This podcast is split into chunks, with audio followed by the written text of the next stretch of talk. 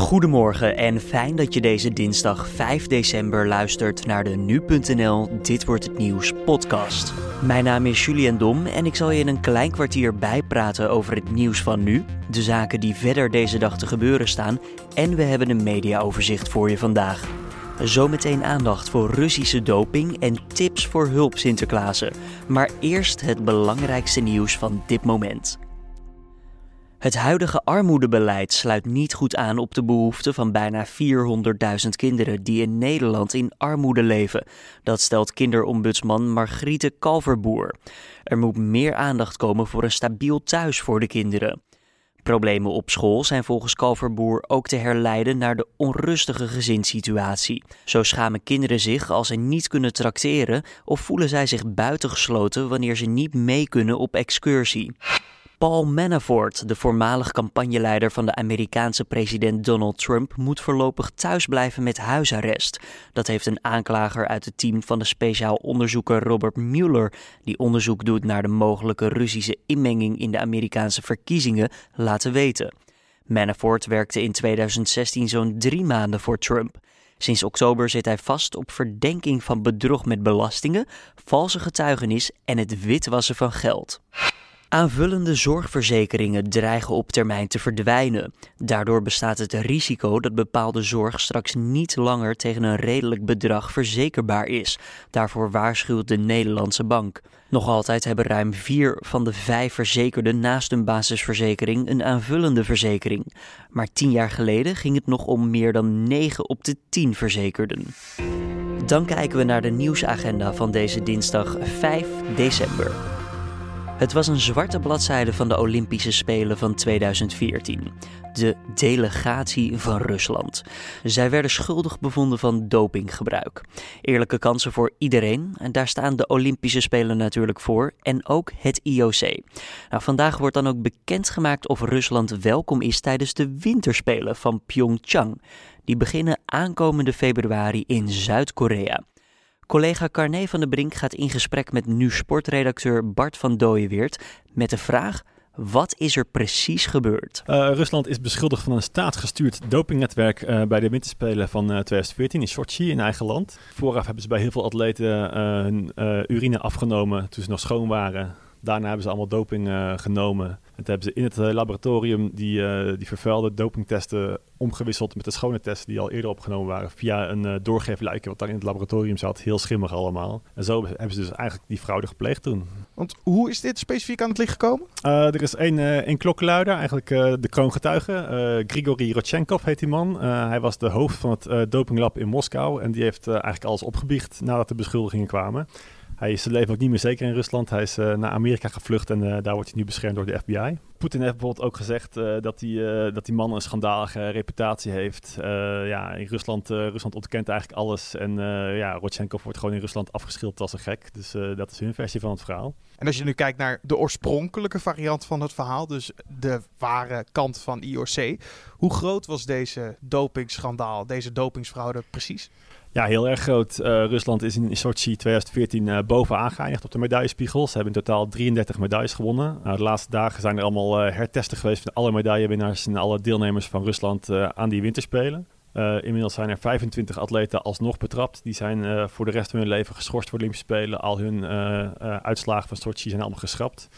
Uh, van die 25 hebben er 11 ook een medaille gewonnen. Dus dat betekent dat gewoon van de 33 medaillewinnaars een derde inmiddels uh, zijn medaille kwijt is. Dat is niet niks. En ook niet voor de sporters, denk ik. Nee, klopt. Uh, er zijn er een paar die het ontkend hebben. maar voor de rest blijft het toch stil eigenlijk. En er komen ook steeds meer andere verhalen uit die hoek van Rodchenkov komen er op tafel.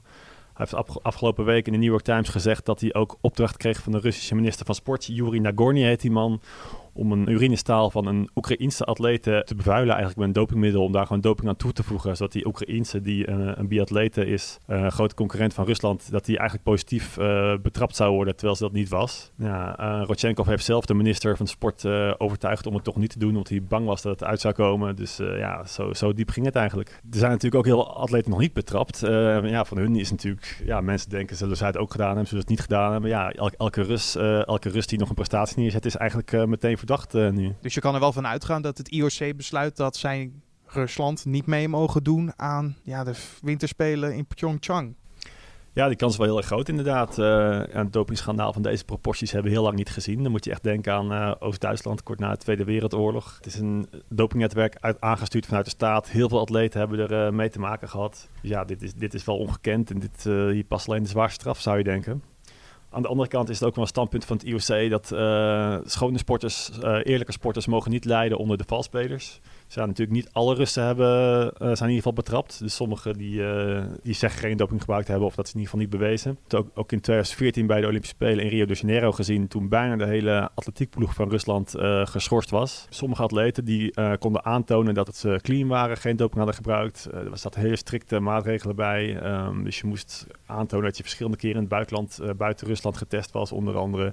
Die mochten toen onder een neutrale vlag wel deelnemen aan de, winter, aan de zomerspelen in Rio ja, zoiets zou nu ook weer kunnen natuurlijk. Je hoorde nu sportredacteur Bart van Dooyenweert. Deze dinsdag wordt er inhoudelijk gekeken naar de strafzaak die draait om de omkoping van ambtenaren bij aanschaf van auto's voor politie en defensie. Dat gebeurde mogelijk door importeurs van Volkswagen, Renault en Peugeot. In totaal waren er honderden miljoenen euro's mee gemoeid. Vier defensie- en twee politieambtenaren die over de voertuigenpark gingen, staan terecht voor het aannemen van de mogelijke steekpenningen. Het parlement van Sint Maarten stemt vandaag over de oprichting van een zogeheten integriteitskamer. Die instantie die corruptie moet tegengaan is de laatste voorwaarde voor hulpgeld dat Nederland voor de wederopbouw van het eiland heeft uitgetrokken. Staatssecretaris Raymond Knops van Koninkrijke Relaties heeft er vertrouwen in dat de weg wordt vrijgemaakt voor de 550 miljoen euro. Deze ligt klaar voor het herstel na de verwoestingen van orkaan Irma. Er wordt ook gevoetbald vandaag. In de Champions League worden de laatste poolwedstrijden in de groepen A, B, C en D gespeeld. Op nu.nl wordt het duel tussen Bayern München en Paris Saint-Germain live uitgezonden. Beide ploegen zijn al zeker van een plek in de tweede ronde. En Bayern, waar Arjen Robben nog altijd ontbreekt door een blessure, moet met vier goals verschil winnen om poolwinnaar te worden. Hoogtepunten en interviews kan je na afloop bekijken op nu.nl. Dan het mediaoverzicht van vandaag, dinsdag 5 december. De Amerikaanse president Donald Trump zou binnen korte termijn bekend willen maken dat de VS Jeruzalem ziet als de hoofdstad van Israël. Dat schrijft de New York Times op basis van hooggeplaatste bronnen. Mocht Trump doorzetten, dan kan het besluit hoogstwaarschijnlijk rekenen op demonstraties die mogelijk gepaard gaan met geweld. Dat omdat er in Jeruzalem zowel Joodse als islamitische heilige locaties te vinden zijn. Een meerderheid in de Tweede Kamer wil dat het kabinet met een reddingsplan komt om oud-Hollandse beroepen niet te laten verdwijnen. Dat schrijft het AD. Er moet voorkomen worden dat beroepen als molenaar, botenbouwer en schaapsherder uitsterven. Door steeds lagere opbrengsten en modernisering staan veel familiebedrijven onder druk. Volgens Kamerlid Jaco Geurts van het CDA moet er vooral geld uit Europese subsidieprogramma's komen om de beroepen te redden. Het is vaak onduidelijk wat er gebeurt met alle informatie die steden met sensoren en camera's van burgers verzamelen. Dat schrijft Trouw. De krant concludeert uit eigen onderzoek dat garanties voor privacy ontbreken. Sommige gemeenten, zoals Utrecht, weten zelfs niet eens waar alle sensoren hangen en welke data precies wordt verzameld. Experts zetten vraagtekens bij het vaak gehoorde verhaal van gemeenten en bedrijven dat sensoren geen persoonsgegevens verzamelen, maar anonieme data. Dan kijken we even vooruit voor het weer van vandaag. Het blijft op veel plaatsen droog vandaag en vooral in de kustprovincies is de zon te zien. Het wordt net als gisteren zo'n 7 tot 9 graden en daarbij waait dan een meest matige westenwind. En voordat we afsluiten, het is vanavond natuurlijk pakjesavond. Dus tips voor hulp Sinterklaasen. Sinterklaas heeft het vanavond ontzettend druk en daarom worden er elk jaar heel veel hulp Sinterklaasen ingezet.